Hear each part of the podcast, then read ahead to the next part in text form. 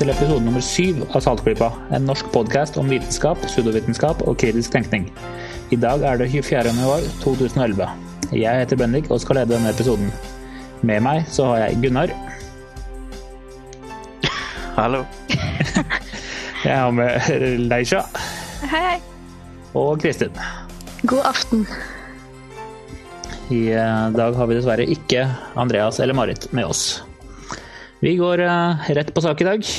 Det som har eh, skjedd de siste ukene, er at det har kommet en eh, liten nyhetsartikkel om at eh, vårt stjernetegn ikke lenger er det det var. Og jeg må jo si meg selv veldig skuffet. Jeg har alltid sett meg selv som en ekte skytte. Oppfylte alle karaktertrekkene der. Men det er visst ikke tilfellet lenger. Kristin, du som kan mer. Ja, eh, det, det var visst eh, plutselig noe veldig medieoppstyr om dette her. Det var en, en liten avis eller noe borte i eh, USA som hadde snakket med en astronom eller noe sånt som, om astrologi, da. Og den astronomen riktignok sa jo det som skal sies om astrologi, nemlig at det har egentlig ikke så veldig mye å gjøre med vitenskap, i hvert fall i våre dager lenger. i det hele tatt.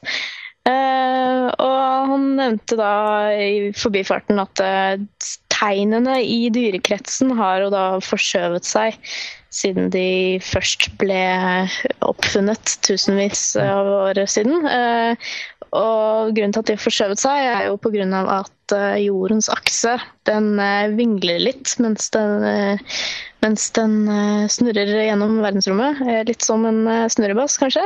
Den bruker Jeg har ikke tall helt i hodet, men noen titalls tusen år da, på en sånn vinglerunde. Og siden, eh, siden tidenes morgen, hvor eh, menneskene tilla ja, himmellegemene spesielle egenskaper og oppfant astrologien, så har, eh, viser det seg at disse stjernetegnene da, som da solen sto i da, da menneskene ble født, har forskjøvet seg hel, et helt tegn i dyrekretsen. Så hvis du da har lært hele ditt liv at eh, da du ble født, så sto solen i, eh, i væren, så viser det seg at du egentlig er vannmann i stedet. Dette er jo eh, Dette er jo Katastrofalt. Ja, altså jeg oppdaget jo selv at jeg plutselig har blitt jomfru, og det er jo ikke bare bare det. Jeg vet ikke helt hvordan det gikk til. I tillegg så er det altså puttet inn eh, et litt eh, ignorert stjernetegn, et, et 13. stjernetegn faktisk i dyrekretsen, nemlig slangebæreren. Eh, Den har ikke vært med, fordi de, ja, de, vel, de fant vel ut den gangen at det var ikke så viktig, de trengte bare tolv. Så da bare hoppet de over den. Men nå har den nå har slangebæreren blitt introdusert igjen, da.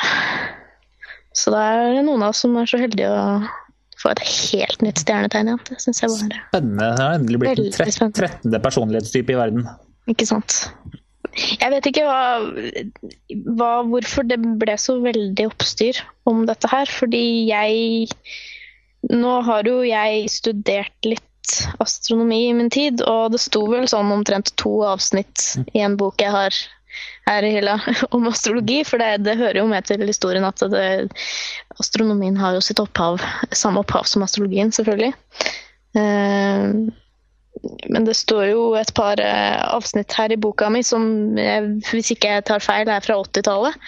Og allerede der står jo det at uh, i dag er disse tegnene som defineres i astrologien, litt utdatert, da. Så jeg, Det er veldig rart at det skal, skal bli så sånn nyhet. Men det, det sprer seg, da. Det, det er jo sånn det gjøres nå for tiden. At eh, når man tror at noe er veldig nytt, så, så går det som ild i tørt gress. Det er jo egentlig ikke slik at uh, stjernetegnet har noe som helst å si på din person. Så hvis noen der ute føler seg uh, at de har en liten identitetskrise akkurat nå, at uh, jeg som trodde jeg var en skytte, egentlig er Hva er det som er foran meg, da? Det aner jeg ikke engang. Et annet stjernetegn? Det endrer jo ikke min eh, personlighet eller væremåte, eller eh, for den saks skyld eh, fremtid, for de som mener at astrologien kan se inn i fremtiden, på noen som helst måte. Altså, nå skal det jo selvfølgelig det er selvfølgelig mange av våre lyttere som vil si ja, men dette er jeg skeptisk til. Dere kan ikke bare si at det er feil på den måten. Men ja, det er jo bare å teste det, da. Jeg syns det, det, må da være veldig mange morsomme måter å teste om, uh, om et horoskop stemmer, f.eks. Og det har jo også blitt gjort. Ja, ganske mange ganger, eh, mener jeg. Ja. Det er med ganske festlige resultater. Vi kan kanskje linke til eh, et par interessante ja, videoer ja. På, som kan finnes på YouTube, f.eks. der. Skal ta og legge inn et par stykker av de inn i notatene på nettsiden vår. Dette ja. henger jo ganske godt sammen med det vi snakket om i forrige episode om cold reading. Det er jo veldig mye av de samme psykologiske effektene som spiller inn her. Ja, for de av dere som hørte forrige episode, og det er vel alle sammen det, så kan uh, pretty much hele, hele astrologien forklares ved hjelp av Forer-effekten. Det vil si at vi uh, vil ta veldig generiske uh, utsagn og prøve å få de til å passe om oss selv. Hvis, I tillegg, hvis man sitter foran en vaskeekte astrolog og får en lesning, så vil han stort sett benytte seg av cold reading for å fortelle deg det du vil høre. Apropos det, så må jeg jo trekke fram, jeg vet ikke om folk har sett det, men en nettside som heter Information is Beautiful, lager ja. nydelig visualisering av statistiske data og masse spennende ting. Og nylig, nå for noen dager siden, så laga de et skript som dro inn jeg tror det var litt over 22 000 eh, horoskop fra en eller annen Yahoo-nettside. Og så kjørte de det inn i et svært regneark og sammenligna ordene som var brukt for de forskjellige stjernetegnene.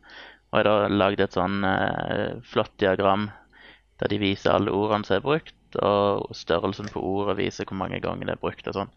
Hvis du da kikker på det diagrammet, så vil du jo se at det er i det store og hele nøyaktig de samme ordene som går igjen i alle stjernetegn. Det er feel, love, sure, energy, family som går igjen overalt. Så det er veldig veldig lite så spesifikt for hvert stjernetegn. Og det er jo ganske påfallende. Dette er jo ord som alle kjenner seg igjen i. Det er ord som er viktige for oss. Mm. Det er familie, ikke sant? det er kjærlighet. Og det er stort sett bare positive ord. Det er ingenting negativt i det hele tatt som er fremtredende. Ja. De som lagde dette her, lagde vel også et sånt et altså et eneste generisk horoskop eh, også, mm. gjorde de ikke det? De, de tok alle de ordene og automatiserte så ble det på en måte ett horoskop for alle. Jeg kan lese opp det, det er ganske kort. Det er et såkalt ja, meta, metahoroskop som er laget for de mest brukte ordene i 4000 horoskop.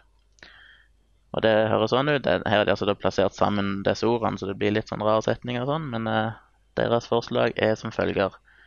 Ready, sure, Whatever the situation or secret moment, enjoy everything a lot. Feel able to absolutely care. Expect nothing else. Keep making love. Family and friends matter. The world is life, fun, and energy. May be hard or easy. Taking exactly enough is best. Help and talk to others. Change your mind and a better mood comes along. Det her hørtes veldig veldig generisk ut. Når man synes det fantastisk. Et, med et det er helt klassisk. Hva, hva, hva, sa du? 'Enjoy everything a lot'? Det syns jeg var helt fantastisk. Jeg å leve sånn. Baby hard or easy. Det, ja. det er det helt klassiske. Det kan bli vanskelig, eller det kan bli lett. Mm. Nei, du sier ikke det. Det legger vi ikke merke til takket være foreffekten også. At uh, det kan komme to selvmotsigende ting uh, i setningene før og etter hverandre, og vi legger bare merke til den som passer best. jeg, tror jeg, må henge opp, jeg tror jeg må henge opp dette horoskopet på veggen min. Det ja, det er et helt nydelig avsnitt, uh, det der. Det er kjempebra. Yes. Jeg syns det er prisverdig. Ikke, for de som har fulgt litt med i skeptikerbevegelsen i USA, så har jo den amerikanske hva skal du kalle det, moderorganisasjonen til de fleste andre skeptikergrupper, som tidligere het CSI-COP, men som i dag vel heter bare CSI. Uh, Committee for the Scientific Investigation of Claims of the Paranormal, som det opprinnelig heter. som har kjempa en kamp mot uh, sånn ukebladhoroskop helt siden 80-tallet. De begynte vel i 1984 og sendte ut brev til forskjellige aviser og ukeblader som kjørte horoskop, der de ba om at de kunne merke horoskopsida med en sånn disclaimer som, uh, som høres sånn ut. The following astrological forecasts should be read for entertainment value only. Such predictions have no reliable, reliable basis in scientific fact. Og Jeg prøvde å finne noen tall på det, men den siste artikkelen jeg fant om det var i 1997. Da hadde de iallfall fått 65 ukeblader til å, å, trykke det fast ved siden av horoskopene sine. Som jeg egentlig syns er et prisverdig tiltak, og skulle gjerne sett det i, i, Dagbladet og norske ukeblader. Problemet er jo at de godtok å sette opp den, men uh, de kunne ikke bare fjerne hele horoskopet, for da ville det blitt opprør av leserne. Ja, ja folk må jo få ha litt moro i hverdagen. Men uh, hvis jeg bare får komme til litt innspill her, så tror jeg at veldig mye av den populariteten til astrologi det skyldes at det gir en mulighet for ansvarsforskrivelse. Fraskrivelse, i at du kan si at du har kanskje ting ved deg selv som du ikke liker, vaner og sånn. Da kan du si at det er ikke min feil. Jeg er så overperfeksjonistisk og control freak fordi jeg er jomfru. Ikke sant? Det er, det, det er stjernetegnene som gjør det. Det er planetene. Jeg kan ikke styre dette selv. Og det er jo veldig ubehagelig. Men det er en sånn dualitet jeg aldri har skjønt med den type ting. Det er jo det at på den ene måten, eller på den ene sida så hevder de at alt er predeterminert. Men samtidig så har du fortsatt fri vilje. For Jeg leste litt om astrologi nylig, for jeg var inne i en diskusjon, og da var det litt sånn typisk at jo, planetene på en måte påvirker hvem du er og din fremtid, men det er ikke absolutt. Du har fortsatt mulighet til å påvirke det. Og det blir litt mm. sånn som jeg trekker linje til religion. altså På den ene sida så står det jo flere plasser i Bibelen at Gud kjenner hele ditt liv fra før du er født. Så vet han alt som kommer til å skje. Han kjenner alle dine dager. Men samtidig så er jo hele grunnprinsippet i kristendommen at du har fri vilje. Uten fri vilje så er jo kristendommen fullstendig meningsløs. Men du kan altså mm. både så vet Gud alt du kommer til å gjøre, men samtidig så har du fri vilje til å gjøre det du sjøl vil, uavhengig av Gud. Og, du får det samme her. at eh, Den har jeg aldri skjønt, men det er akkurat som Ja, det, det blir, de aksepterer det bare helt klart, men for meg så blir det bare et fullstendig et paradoks. Det viser jo at eh, folk som tror på ja, en del religiøse og en del uh, astrologifans, de har jo ikke egentlig tenkt gjennom det de tror på. De har, tror jeg, de har ikke gått såpass i dybden på sine egne forestillinger at de rekker å oppdage den vrangforestillingen. Man ønsker å kunne fraskrive seg litt ansvar ved å si at det er bare fordi jeg er steinbukk. Det er sånn, Men samtidig så vil du jo være i kontroll over din egen skjebne, så du bare putter sammen de to tingene. Og så tenker du ikke så nøye over det at du får noe kognitiv dissonanse der. Dessverre.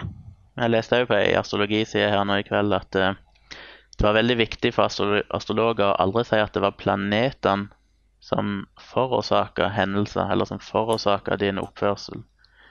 Derimot så var det et samspill på en måte. altså Hvis Saturn har en eller annen dårlig, er i en dårlig tilstand, så påvirker det de, de egenskapene som henger sammen med Saturn i mennesker. Men de kunne ikke si at det var planeten som påvirka mennesket, for at det ville stride mot ideen om at det tross alt er Gud som styrer alt. Sånn at det var, Dette var ganske viktig for starten, at det måtte ikke være en konflikt mellom astrologi og religion. og Derfor så var det på en måte Gud som både påvirka planetene, som igjen påvirka menneskene, men det var ikke planeten da som påvirka mennesket direkte.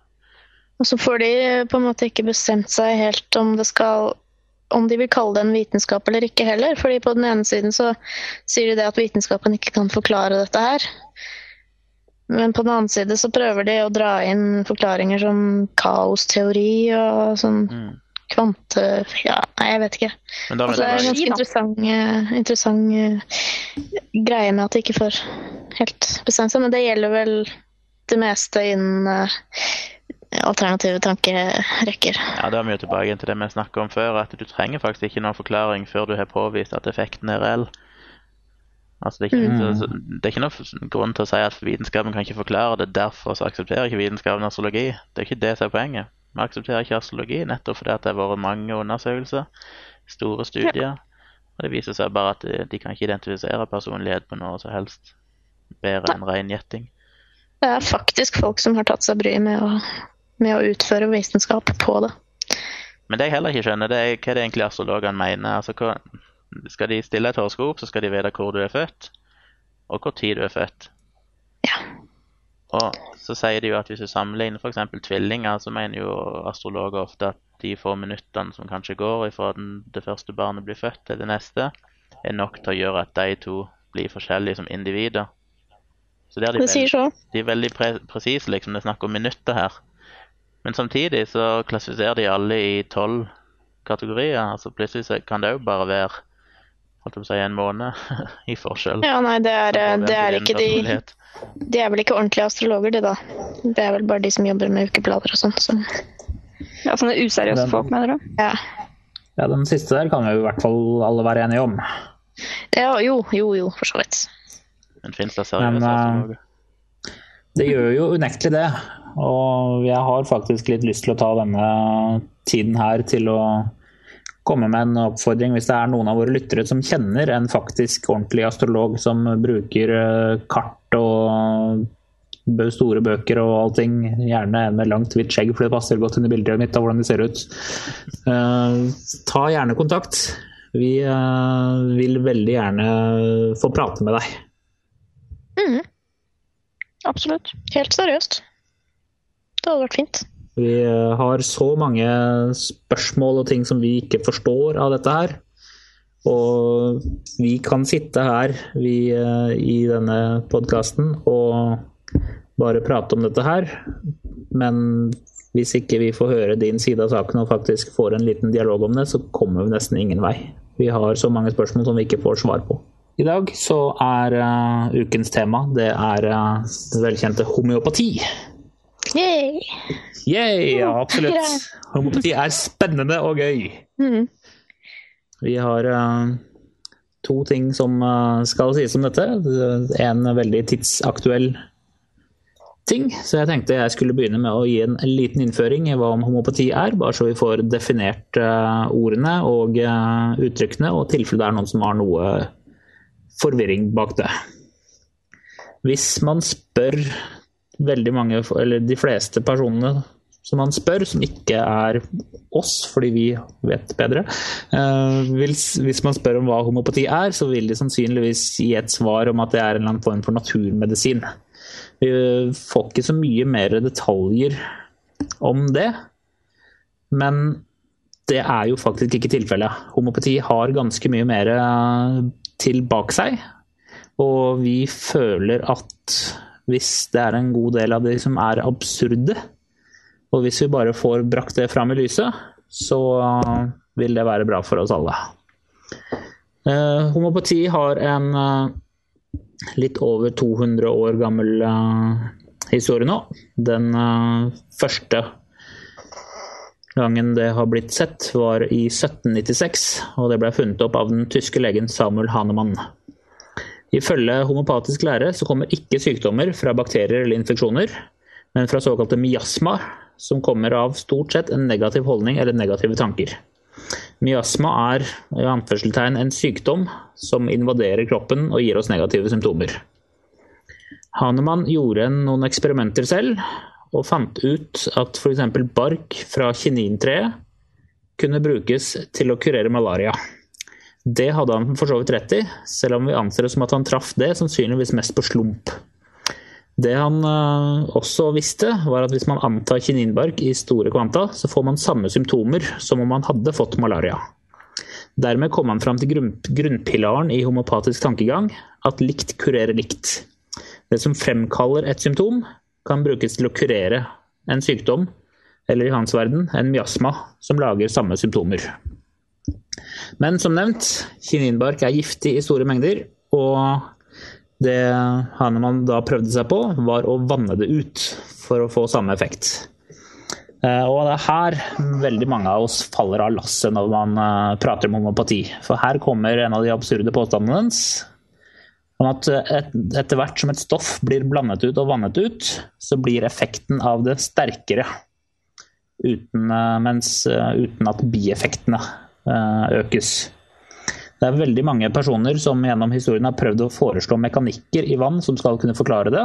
De prøver seg med at vannet har hukommelse eller slikt, men det har aldri blitt påvist noe sånt under rigorøse omstendigheter. Utvanningen skal foregå på en spesiell måte nå også. Du begynner med én del aktivt stoff og ti deler vann, og blander det ut i en beholdning. Det blandes ut ved å riste det ti ganger frem og tilbake, ti ganger opp og ned, og så ti ganger inn og ut, mens man slår det på en plate dekket av hestehår imellom hver operasjon. Mer korrekt er det vel én del aktivstoff og ni deler vann? Er det én og ni? Jeg har lest én til ti. jeg. Ja, blandingen blir vel én til ti, men du har vel én del vann, nei, én del aktivstoff og ni deler vann for å få en total på én til ti, stemmer ikke det? Ja, for så vidt. Jeg trodde Uansett også det så var ikke forskjellen helt Det- Nei, den forskjellen blir ikke den største. Uh, ok, da kan det hende at jeg nettopp har invalidert hele innlegget mitt. For, det andre så kan man også blande ut i hundredeler, ikke bare ti. Ja, og faktisk også så har jeg sett i tusendeler, men vi kommer til det. Mm. Eh, Men eh, det er da også viktig at du har den metoden at du rister ti ganger frem og tilbake, ti ganger opp og ned, ti ganger inn og ut. Og så er det veldig viktig at du slår på den platen dekket av hestehår imellom hver gang også. I tillegg til C-blandinger så opererer de også med X-blandinger og M-blandinger. Og hvis et homopatisk eh, legemiddel, så kan du se på eh, forpakningen, så står det hvilket forhold det er blandet i. I X-blandingen er samme metode som C-blandingen, bare at det er 1 til 100-forhold. De av dere som kan romertall, vil da også skjønne at en M-blanding blandes med utgangspunkt i 1 til 1000. Matten eh, sier da at alt over ca. 8C, 9C et sted, har sannsynligvis ikke et eneste molekyl igjen av originalstoffet i seg. Det vil si at det er kun vann. Hanemann selv derimot anbefaler en 30 C blanding for de fleste av sine stoffer. Og på denne størrelsen så klarer rett og slett ikke hjernen vår å forstå tallene. De har altfor mange nuller bak seg. La oss uh, si at på på en 40 C utblanding så tilsvarer blandingen ett molekyl i hele universet. Det finnes populære midler som går opp til 200 C blanding. Da ville det trengst 10 opphøyd i 320., dvs. Si tallet 10 med 320 nuller bak seg, universer, bare for å være sikker på å få ett enkelt molekyl med aktivt stoff med. Det er ganske bananas høye tall vi holder på med her. Jeg tror vel at eh, når vi kommer opp i 12-14 Hold litt kjapp hoderegning 15 15 C ca., så må man innta en kule med vann med radius ca. avstanden mellom jorda og sola for at du skal få i gang eh, et enkelt molekyl. Men eh, uansett, eh, hvordan kunne noe så absurd som dette her bli populært og slå rot i folkevisdommen? Som med alle alternative behandlere så legger en homopat mye vekt på kosthold, fysisk aktivitet og helt andre gode råd for et sunt legeme. I tillegg, siden dette her kom på slutten av 1700-tallet og begynnelsen av 1800-tallet, hvis man sammenligner med hva konvensjonell medisin var på den tiden, så får man vann, vann i homopati sammenlignet med årelating, som man ville fått hos en vanlig lege. Og da gjør i hvert fall ikke homopaten deg noe verre. Homeopati har aldri klart å operere bedre enn placebo i en god klinisk undersøkelse. Alle fysikkens, kjemiens og medisinens lover ville måttet bli skrevet om hvis homopati hadde kunnet vise noe som helst effekt. Det strider mot, imot all forskning som blitt gjort på så å si alle felt de siste 150 årene. Grunnen til at vi tar opp uh, homopati litt i dag, er uh, pga. et lite arrangement som skal skje uh, neste uke. Kristin, igjen, du vet mer om dette her. Yeah. Uh, Jeg skal snakke litt eh, først om eh, noe som skjedde i fjor, som kaltes for eh, eh, 1023-eventen. Eh, Det var en eh, demonstrasjon som foregikk den 30. januar i fjor i England. Eh, Der, var det, der fikk de samlet 400 mennesker som var kritiske til homopati, som tok del i en protest mot en av Englands mest kjente Det vel den største apotekkjeden, Boots, og deres da fremholdte støtte til og salg av homopatiske midler. Eh, Og Demonstrantene ville jo finne en oppsiktsvekkende måte å rette folks oppmerksomhet på eh, et ganske viktig faktum, nemlig at eh, homopatiske midler ikke virker, og ikke minst at det ikke er noe i dem.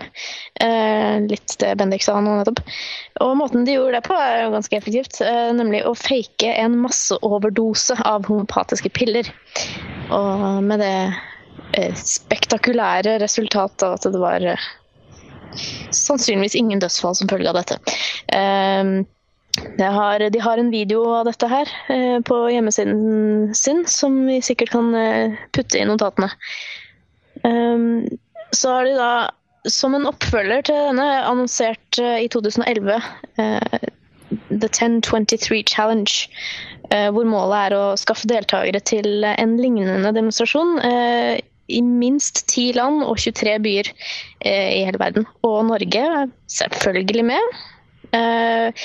Denne protesten skal da inntreffe neste helg, den 5. februar. Vi satser på å få til en ganske bra greie i Oslo. Og Trondheim har også lyst til å bli med, så vi satser på at det blir noe der også.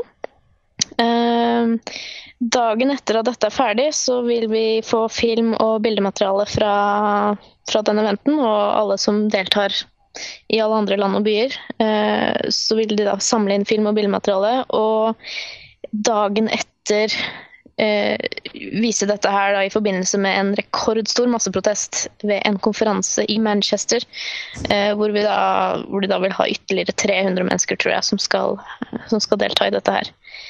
Eh, så vil du være med på en sånn eh, morsom liten eh, massedemonstrasjon, en liten overdose, enten du er i Oslo eller Trondheim, så kan du sende en Ja, jeg vil gjerne at du sender en e-post, sånn at jeg får litt oversikt over hvor mange som er med. Det kan vi selvfølgelig skrive i notatene.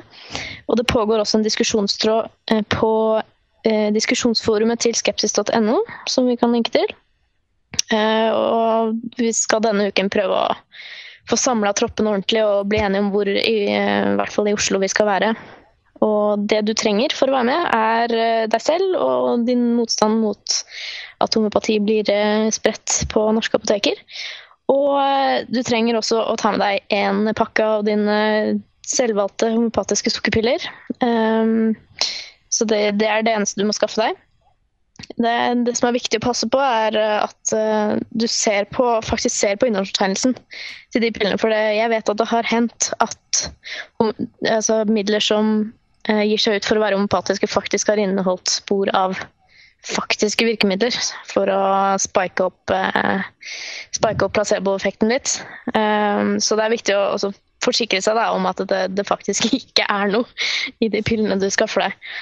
Eh, det er også greit å sørge for at eh, altså, potensieringen eh, og det, det, som Gunnar snakker med, den C-tallet eller X-tallet som står på bakken, er så høyt som mulig. Det kan man også gjøre et poeng ut av. Så det blir kjempegøy. Jeg tror det. Jeg tror vi skal prøve å få til det neste helg. Og vi linker som sagt til hvordan du kan prøve å være med på det. Ja, og Vi skal prøve å ha en eh, rapport fra det i neste episode av eh, podkasten også. Det hadde vært, det hadde vært uh, ideelt. Litt, hvis, noen, hvis, noen, lurer på hvor navnet 1023 kommer fra, så kommer det selvfølgelig fra tallet 10 opphøyd i 23, som er Avogadros tall. Som er et tall innen uh, kjemi som uh, ganske greit kan brukes til å rett og slett ja, prøve å debunke disse såkalte homopatiske teoriene, da. Så det er fiffig. Vi satser på at det blir bra. Dette er vel det. Ja. Dette er vel inspirert, jeg vet ikke om det står noe om det, men det må vel være inspirert av James Randy sine stunt. James Randy det har pleid å gjøre dette stuntet på sine foredrag. Og James Randy er jo en 80 pluss år gammel mann med hjerteproblemer. Og han og han pleier da på sine foredrag å bøtte nedpå et par-tre pillebokser med homopatisk sovemedisin. Og han har hittil ikke segnet om på scenen. Nei. Ja, og vi i Saltklypa har tenkt til å være til stede på 1023-markeringen. Markeringen, det er ikke riktig å kalle det. 1023-demonstrasjonen i Oslo i hvert fall. Og vi mm -hmm. håper at uh, alle våre lyttere kommer og tar en tur innom, eller enda bedre, deltar. Det hadde vært uh, veldig kult hvis vi kunne bli litt mange. Det, vi har fått ganske bra med, med, tilbakemeldinger for folk som vil være med, det, men vi trenger enda flere. Jeg er ikke i Oslo den helgen, men kan jeg stå i Tonstad sentrum tror du, og så ta en En bok Eh, om det- homeopatisk medisin. Yes, ja, jeg har jo vært i kontakt med han Michael Marshall som arrangerer dette her eh, på global basis, og han sa at i fjor så var det en eh, dame i en eh, enslig by, en enslig dame, som tok på seg dette sitt, sin del av ansvaret helt alene og hadde en sånn enmannsprotest, så det går helt fint. Kanskje film, filme meg sjøl eller et eller annet, så noen får se Ja. det. Det Så det. hvis noen av dere tilfeldigvis er i Tonstad på lørdag morgen den 5. Nei, 5. februar, ja. Til februar, ja. Så må, så må dere se utenfor uh, apotekene for å se om dere finner Gunnar som tar og popper piller. Det burde, det burde være lett synlig. Du sa du det, du sa det som om det fantes apotek for Tonstad. ok, de har vel en Yes. apotek i butikk, så jeg får stå ut forbi eh, den eh, dagligvarebutikken og poppe noen piller til alles underholdning. Det blir bra. Så da bare for å gjenta, dette her er på lørdag 5. februar. Det Klokken det. når, Kristin? 10.23, selvfølgelig. Selvsagt. det er jo da vi skal eh, helle i oss. Selv om det er i eh, innspillende tid så er ikke stedet helt fastsatt ennå.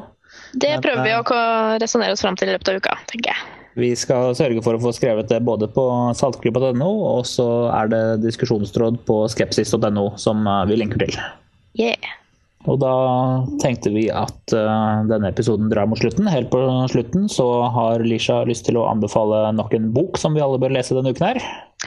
Ja, det er bare Mats har gått inn ved det du sa, Kristin, at eh, du syntes det var litt mystisk at uh, denne ikke-saken om astrologi, som også faktisk er litt gammel, plutselig hadde fått så veldig mye mediedekning rundt om på vår klode. Eh, Og den boken som vi anbefaler i dag, 'Flat Earth News' av den britiske journalisten Nick Davies, den forklarer eh, de eh, Hva skal man si de mekanismene i det moderne 21. århundrets medieverden som får sånne ting til å skje. At ikke-saker som ikke engang trenger å være nye, plutselig får momentum og baller på seg. Veldig interessant bok. Masse informasjon og masse graving i løgn og propaganda i medier. Spesielt i Storbritannia, men også i USA, og dette gjelder jo dessverre hele verden nå i vår globaliserte tidsalder. Nei, Boken eh, har jeg faktisk også lest, og jeg kan eh, gledelig anbefale den sammen med deg. Det er bra. Da Før vi er helt ferdige, så vil vi eh, takke alle som har sendt inn eh, kommentarer til oss på e-post eh, til og på nettsidene våre. Vi setter veldig pris på å få høre de. Hvis du har noen kommentarer til eh, denne episoden her selv, så kan du sende dem til oss, enten på e-post på post at saltklypa.no. Du kan skrive dem inn på nettsidene våre på saltklypa.no. Du kan sende oss en talebeskjed på Skype på Saltklypa. Vi leser Twitter på at Saltklypa. Og vi har også en Facebook-side på Saltklypa, går jeg ut ifra den heter. Og det er bare å skrive til oss der hvis du har noe som helst uh, feedback.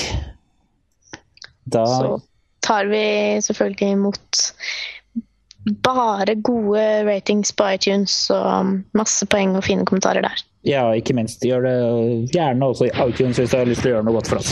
Jeg tror det er totalt fem stjerner man kan velge, og ta alle sammen. Det, det syns vi er greit. Den helt til høyre skal du klikke på, da. Skal vi lage diagram, kanskje? Kan kanskje gjøre det. Det står skrevet i stjernene. Nei, da gjenstår det egentlig bare for eh, oss å si takk for oss for denne gang. Vi eh, høres igjen om uh, ca. to uker, når eh, temaet blir konspirasjonsteorier. Det blir gøy, det. Det blir kjempegøy. Det blir meget bra. Er bra. Ja, ha det godt, alle sammen. Ha det. Ha det.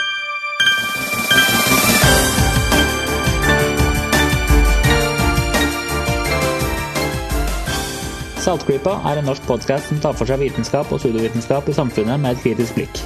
Podkasten produseres og drives på frivillig basis av seks personer, helt uavhengig av noen organisasjon. Vi vil gjerne høre fra deg. Hvis du har spørsmål eller kommentarer til dette eller andre avsnitt, kan du sende oss en mail, legge inn en talebeskjed på Skype eller skrive en kommentar på vår nettside. Informasjon om dette, samt linker og notater til det vi har snakket om, finner du på saltklypa.no. Denne podkasten er ikke laget med homopatisk dosering av salt. Vi bruker veldig mye av det.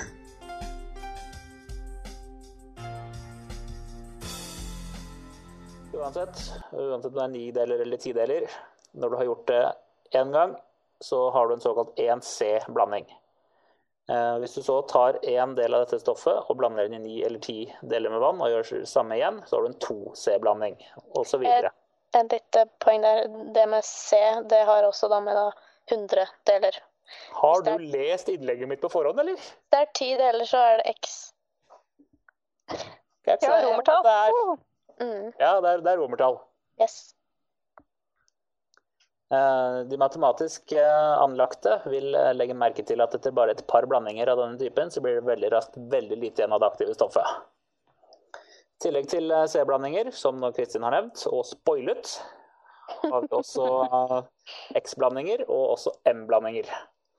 Hvis du ser et homopatisk legemiddel, så vil det stå på pakken hvilken forhold det er blandet i. I X-blandinger er samme metode som C-blandinger, bare at det er 1 til 100 forhold. Og Nei, nå sa jeg helt feil. Det prøvde jeg egentlig å få frem i stad, men det ja. Okay. her må Det er fint du, det er fint du innser det etter hvert. Han lærer mer av å gjøre feilene selv. Ja, her, må- her må Gunnar komme inn og klippe. Vi kjører nei, det hele. nei. nei, nei. Vi kan kjøre helt fram til dette avsnittet her. Ja, altså Hvis du nekter å klippe, så kommer jeg bare til å synge resten av podkasten. Og da, da kommer du til å ville klippe, trust me. Ja, OK, men du skal få lov å ta det på nytt. Skal vi This se. time. X-blandinger er samme metode som C-blandinger, bare at det er 1 til 100. Vil da vite at en Må du da snakke om blanding blandes til 1 til 1000. OK. Vi klipper her. C, C er 10, X er 100, M er 1000. Take 72. Ja. Ja.